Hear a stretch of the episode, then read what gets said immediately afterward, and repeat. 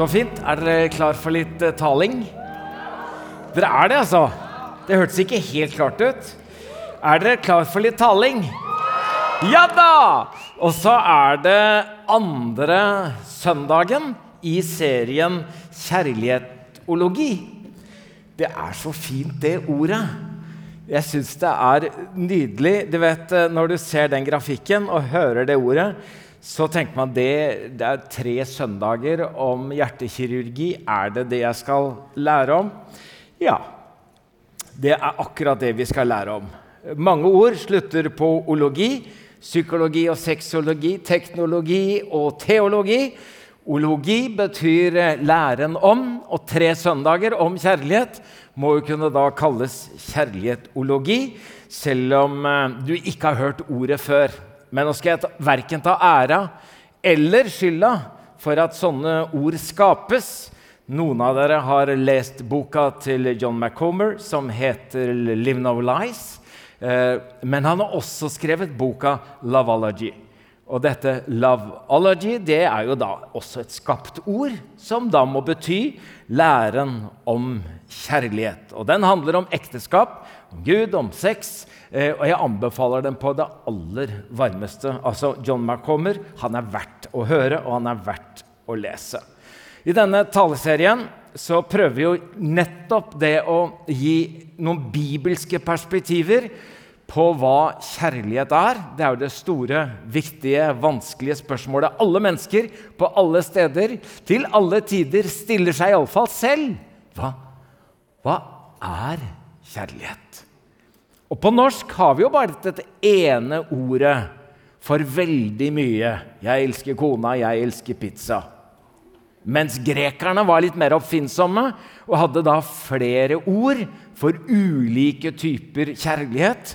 Så da fins altså både filos, som vi hadde forrige søndag, den medmenneskelige kjærligheten. Så har vi agape, den guddommelige kjærligheten, som vi skal snakke om neste søndag. Og så er det det som er temaet i dag, den fysiske eller den seksuelle kjærligheten. Og det må jo være veldig lett å snakke om når du er en gammel, erfaren ektemann på 68 år, og onsdag denne uke feira 48, vår 48. bryllupsdag. All ære til Turi. All ære til Turi. Ja, vi ble tidlig kjærester. Vi fikk etter hvert fem barn. Så det er klart det må være enkelt for meg å kunne snakke om seksualitetens salighet. Allikevel har jeg jo kjent når jeg har forberedt og jobba med dette, at nei, er det veldig enkelt for besteforeldre å snakke med barnebarna om sex? Og prøve å forklare at det kom ikke med storken, men det skjedde på akkurat denne måten. Jeg syns Christian Blum har treffet veldig godt, og jeg kjenner han treffer meg. Akkurat sånn kan jeg kjenne meg når jeg skal møte en sånn forsamling som dette. Og i dag dere, skal vi snakke om sex. Og det var akkurat det du ville høre en bestefar snakke om. Eh, det er altså det som heter eros. Eh, den fysiske kjærligheten, kanskje ikke helt presis, for jeg syns det er kanskje enda mer dekkende å kalle det den seksuelle kjærligheten. Og alle vi som tror at det seksuelle samlivet skal leves ut innenfor ekteskapets rammer, eh, kan jo oppleve denne seksualiteten mer som en plage enn som, eh, og noe som vi ber Gud om å få slippe å bli kvitt, enn som en gave som vi takker Gud for at vi har fått. Her fins det to åpenbare grøfter. Og den ene grøfta det er jo at vi automatisk kobler seksualitet til synd. Som om seksualitet er noe skittent, noe skadelig som vi må forsake og fortrenge. Eh, og dermed skaper jo seksualiteten utrolig mye skyld og skam. Og gudskapte lyster blir altfor ofte i vår sammenheng skyldbelagte laster. Så denne automatiske koblingen mellom seksualitet og synd skaper veldig ofte sjenanse, men også hemninger langt inn i et ekteskap.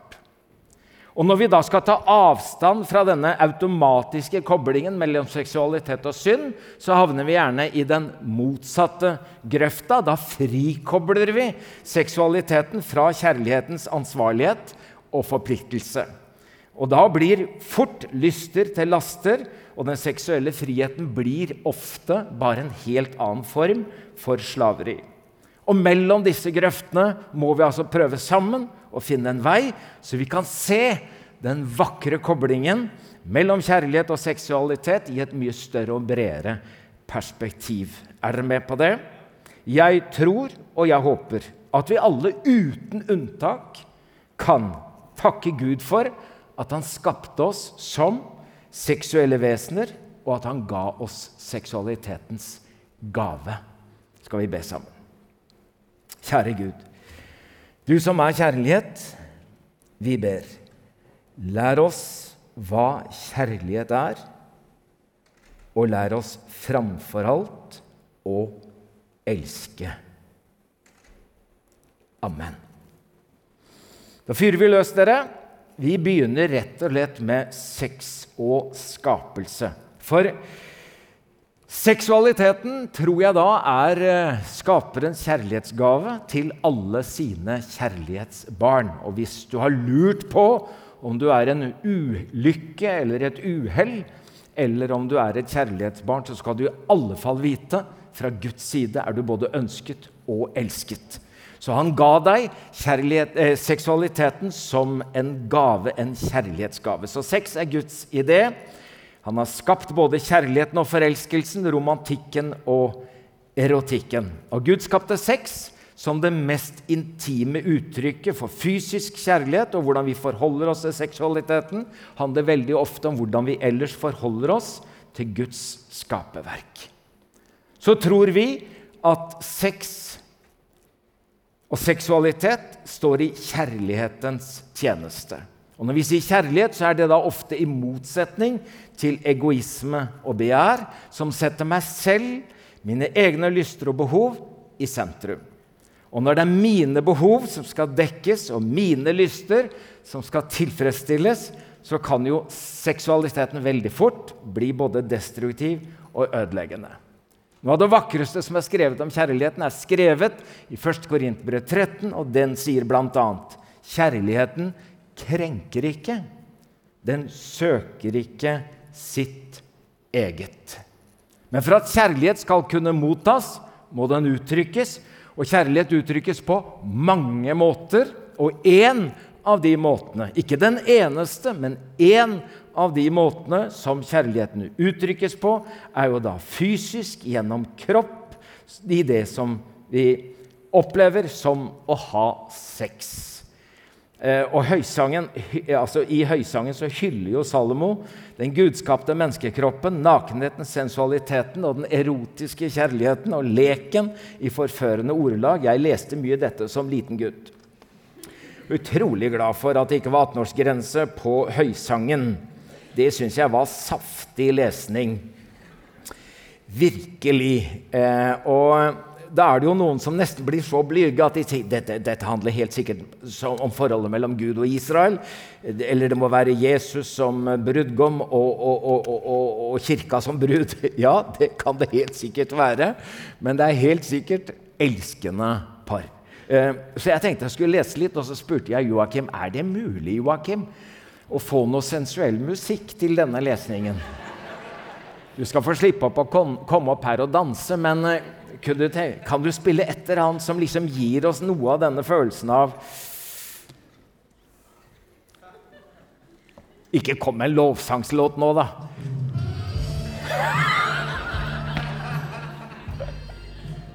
Ja, det er deilig. Det blir George Michael i dag.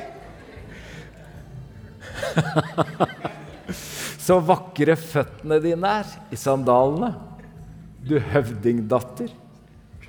Hoftene dine buer seg som en sølje smidd av kunstnerhånd. Navlen din, den er rundskål, måtte den aldri mangle vin. Magen, det er en hveteåker, omkranset av liljer.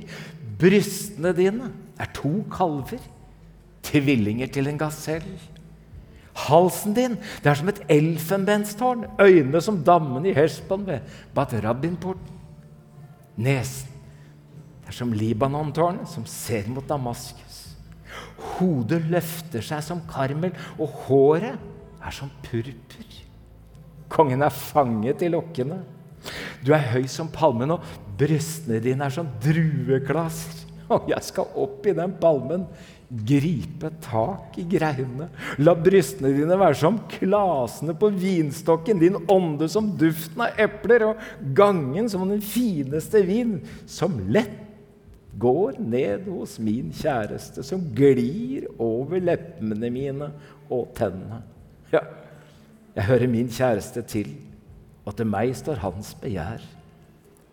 Kom, min kjæreste.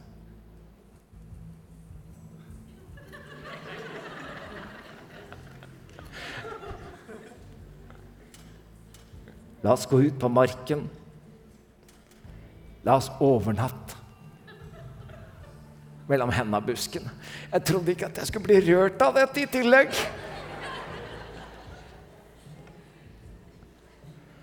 Nei, back to reality. Sex og forplantning. For seksualiteten står jo naturlig nok i forplantningens tjeneste. For uten seksualiteten så hadde ingen av oss vært til. Vi er enten vi liker å tenke på det eller ikke, et resultat av vår biologiske mor og far. At de hadde sex med hverandre på en eller annen måte av en eller annen grunn. Og jeg er én av seks søsken og syns det var utrolig flaut at alle mennesker kunne se at mor og far hadde hatt sex seks ganger. Men det er altså en helt åpenbar grunn og åpenbar sammenheng mellom seksualitet og forplantning. For det er jo denne seksualiteten som hjelper oss til å finne veien til hverandre som kvinne og mann og føre slekta videre. Gud velsignet dem, altså Adam og Eva sa, vær fruktbare og bli mange. Så det er ikke bare nyttig, men Bibelen gir oss også dekning for å tenke at Gud i sin kjærlighet har gitt oss dette også til nytelse. At det er en nyteverdi. At vi kan nyte nærheten og ømheten, intimiteten til et annet menneske med alle sanser, følelsesmessig og fysisk. Så er det jo sånn at mange har opp gjennom historien nettopp satt denne automatiske koblingen mellom seksualitet og synd, men også om kropp som noe som er dårligere, og egentlig man skal frigjøres fra. Sånn at det er det åndelige som er viktig, og det fysiske er ikke viktig i det hele tatt. Og det har ført til at mennesker både har blitt nektet å spise spesiell mat, eller også nekte å bli gift. Og Paulus legger da inn en advarsel både mot vranglæren og vranglærerne i de siste tider og sier disse forbyr folk å gifte seg og krever avhold fra mat, den som Gud har skapt, for at de som tror og kjenner sannheten, skal ta imot den med takk. Alt Gud har skapt, er godt, og ikke noe skal forkastes når det mottas med takk, for det helliges ved Guds ord og bønn. Samtidig er det viktig for oss å tenke at seksualitet er mye mer enn sex. At vi altfor ofte får et alt altfor smalt syn på seksualitet. Vi knytter det så altfor ofte til sex eller seksuelle handlinger. Men altså alle, vi som er her, uten unntak, er seksuelle skapninger. Men ikke alle har sex med andre. Vi er skapt som sosiale vesener, og så er vi skapt som seksuelle vesener. Alle opplever noe. Ingen opplever alt.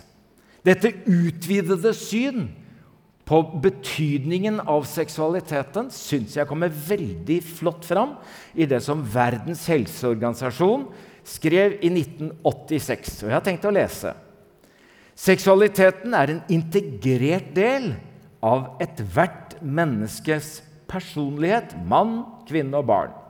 Seksualiteten er et grunnbehov som utgjør et aspekt av å være menneske og som ikke kan skilles fra andre livsaspekter.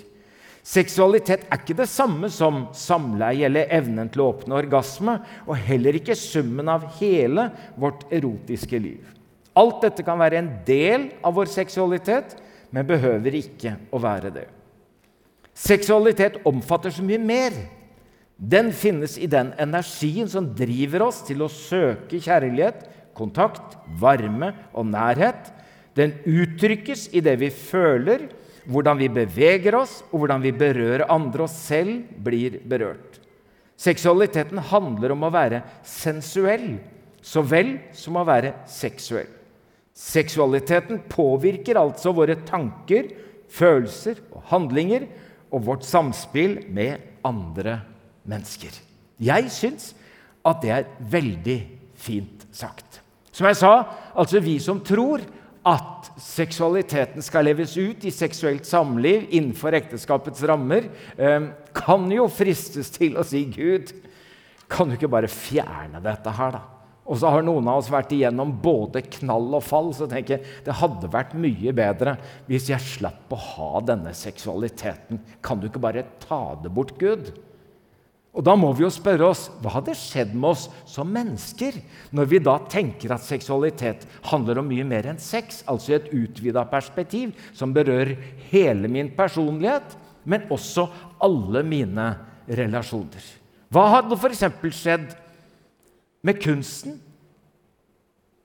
Hva hadde skjedd med forfattere og komponister? Hva hadde skjedd med musikere og dansere? Hva hadde skjedd med bildekunstnere og filmskapere hvis seksualiteten ble borte? Hva hadde skjedd i relasjonene? Holde barn inntil seg, sitte og stryke på bestemor. Virkelig i det som handler om varme og ømhet, drømmer og fantasier, stryke og massere, flørte og danse. Hva hadde skjedd med oss og relasjonene våre? Hva hadde skjedd med hengivenheten vår til Gud. Hvis vi ikke var seksuelle vesener Vi kan jo ikke tenke at liksom, lovsang og tilbedelse er én ting, seksualitet er noe helt annet. Det er jo klart, i musikken, i hengivenheten, i tilbedelsen bærer vi med oss nettopp seksualiteten. Vi møter Gud i intimiteten, i inderligheten, og istedenfor å dempe det ned, burde vi kanskje i større grad bare få lov å gi det større rom. For det er også en måte å få leve ut noe av det seksuelle i oss, også i tilbedelse og hengivenhet. Du ser det jo f.eks. på en fotballkamp hvor mannfolk som ellers syns det er altfor kleint, til og med å håndhilse. Men når de kommer på kamp, så henger de rundt halsen på hverandre. Hva er det som skjer? Og vi i Norge, i dette kalde landet, vi tar jo vare på all den varmen vi har. Vi vil ikke slippe den ut i det hele tatt i noen sammenhenger. Burde kanskje i større grad se nettopp denne helheten, men også innenfor Gud. Det kommer en dame, for Jesus er nå hos farisererens hus. Eh, og så kommer denne damen som de tenker er en synderinne og lever et syndig liv. Og så bøyer hun seg ned, og så kysser hun Jesu føtter, og så salver hun de med olje, og så tørker hun Jesu føtter med håret sitt. Og så er fariseeren oppe og går og sier at hadde han visst at hun er en synderinne, da hadde, da hadde han vært en profet og kunnet avsløre det. Da irettesetter Jesus fariseeren og sier da jeg kom inn her, var det ingen som tok fram vann for å vaske mine føtter. Hun har vasket dem med sine tårer. Det var ingen som kysset meg velkommen. Hun kysser mine føtter. Du salvet ikke hodet mitt med olje da jeg kom, men hun har tatt den fineste parfymen hun har, og salver mine føtter. Og så sier Jesus Hennes mange synder er tilgitt. Derfor har hun vist stor kjærlighet. Men den som får lite tilgitt, elsker lite. Det å se større helhet rundt seksualitet, at det handler om hele min personlighet, at det handler om alle våre relasjoner, også i seksualiteten, at vi er seksuelle vesener, det er viktig for å kunne si takk, Gud, at du har gitt meg denne gaven som en kjærlighetsgave. Og så er det jo sånn at alt dette er sant. Sex og skapelse og sex og kjærlighet og sex og forplantning og sex og nytelse. Og så fins det en skygge over det hele. For det skjedde noe som ikke fjernet alt, men som eh, gjorde noe med at det som var helt, ble delt. Og det som var rent, ble tilsmussa. De var jo skapt nakne.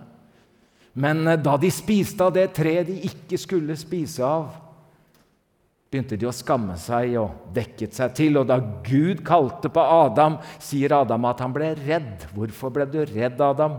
Jo, for jeg er naken. Og Gud sier, hvem har sagt deg at du er naken?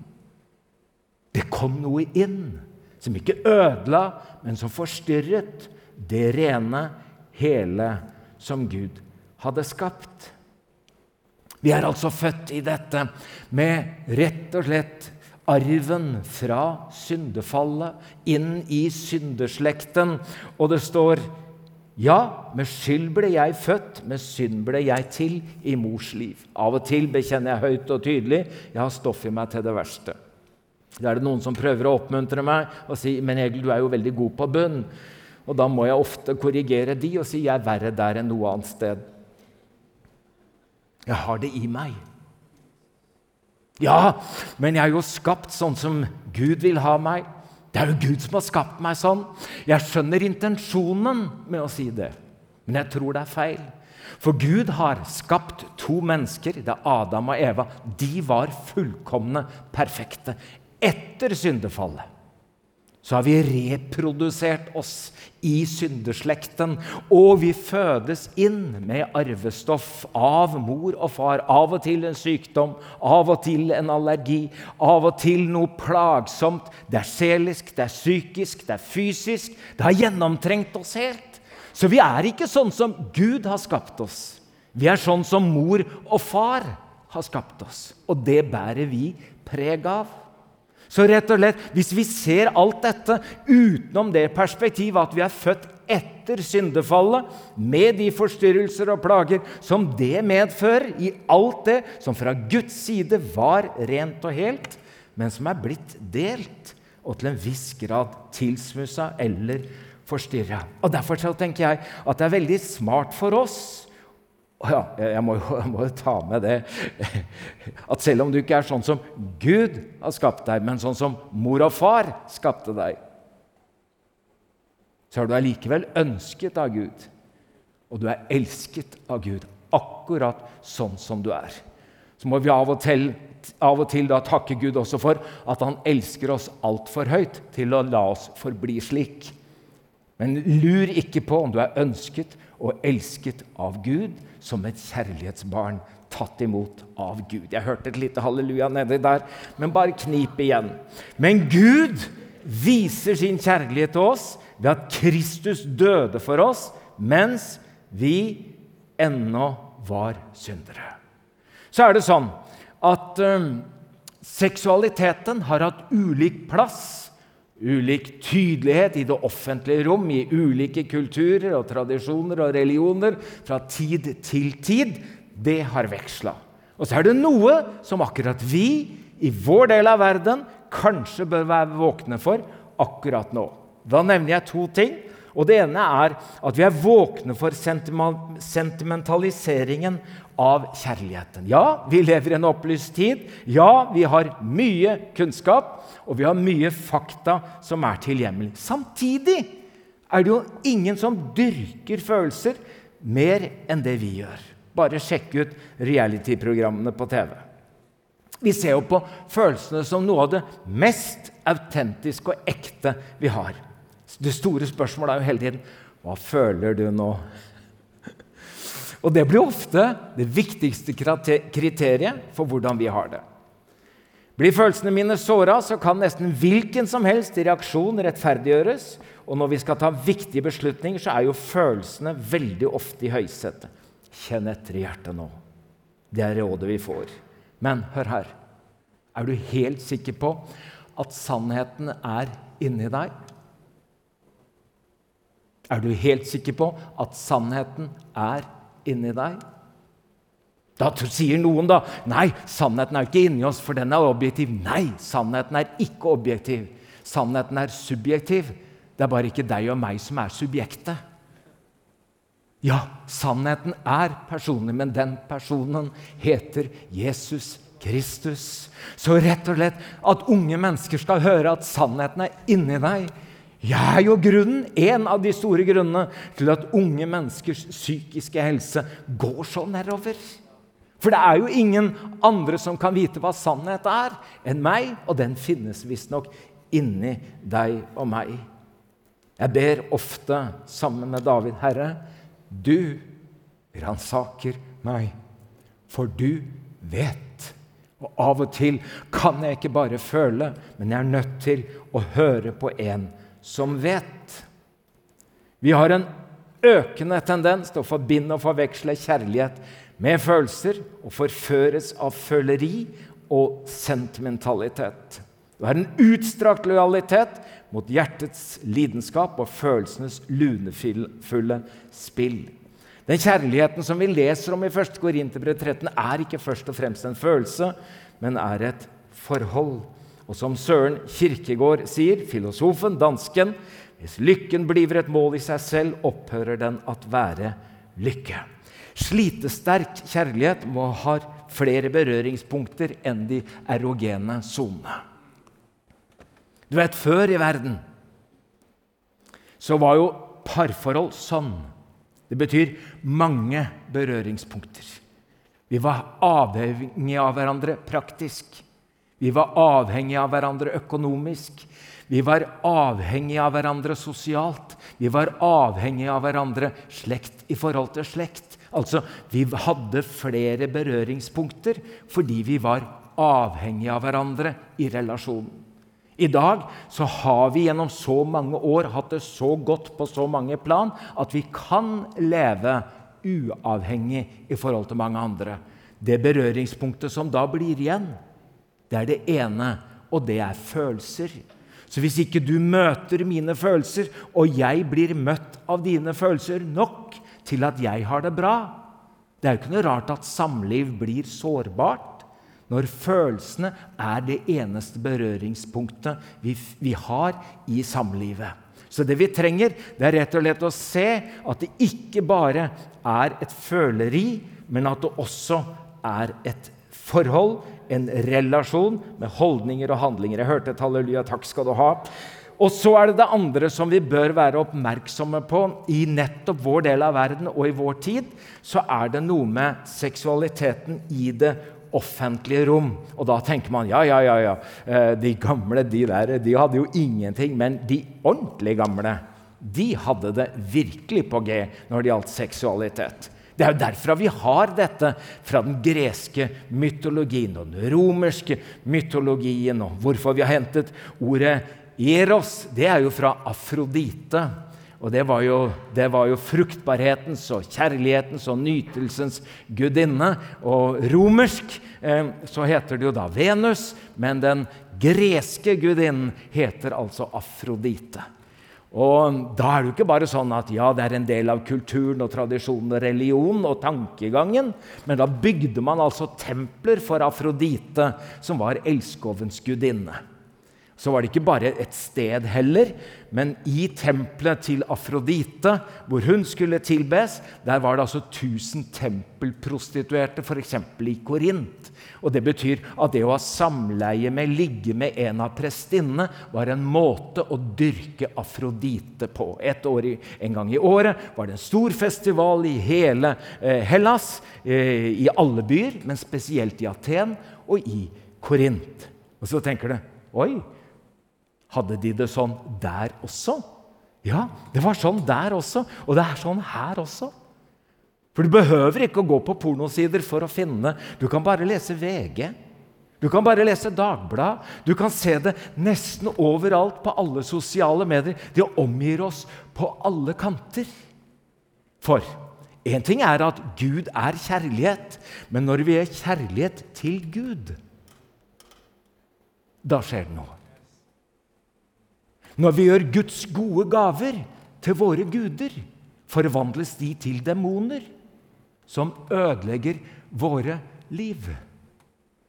Og denne Eros som vi snakker om i dag, det er sønnen til Afrodite. Ja, Hun har jo flere elskere, men hun er mest glad i denne Mars, som da har gitt henne Eros. Og Eros er ikke nevnt i Bibelen, men finnes altså i den greske tenkningen som nettopp kjærlighetens og seksualitetens gud eller ja, eh, gave. Henger dere med, folkens? Så at vi er klar over at det er i dette vi befinner oss sammen og samtidig. Men Korint, har ikke du hørt om Korint før uten å ha lest gresk mytologi? Jo, du har lest brevet til korinterne. For i disse byene hvor denne seksualiteten ble dyrket, der var det jo menigheter. Menigheter som hentet sin kjærlighet, sin forståelse, fra en annen kilde. Du skal elske Herren din Gud av hele ditt hjerte. For da blir kjærligheten til mennesket og deg selv styrt og ledet av det. Skal vi gå inn for landing i det som eh, heter at eh, kjærligheten er sterk som døden.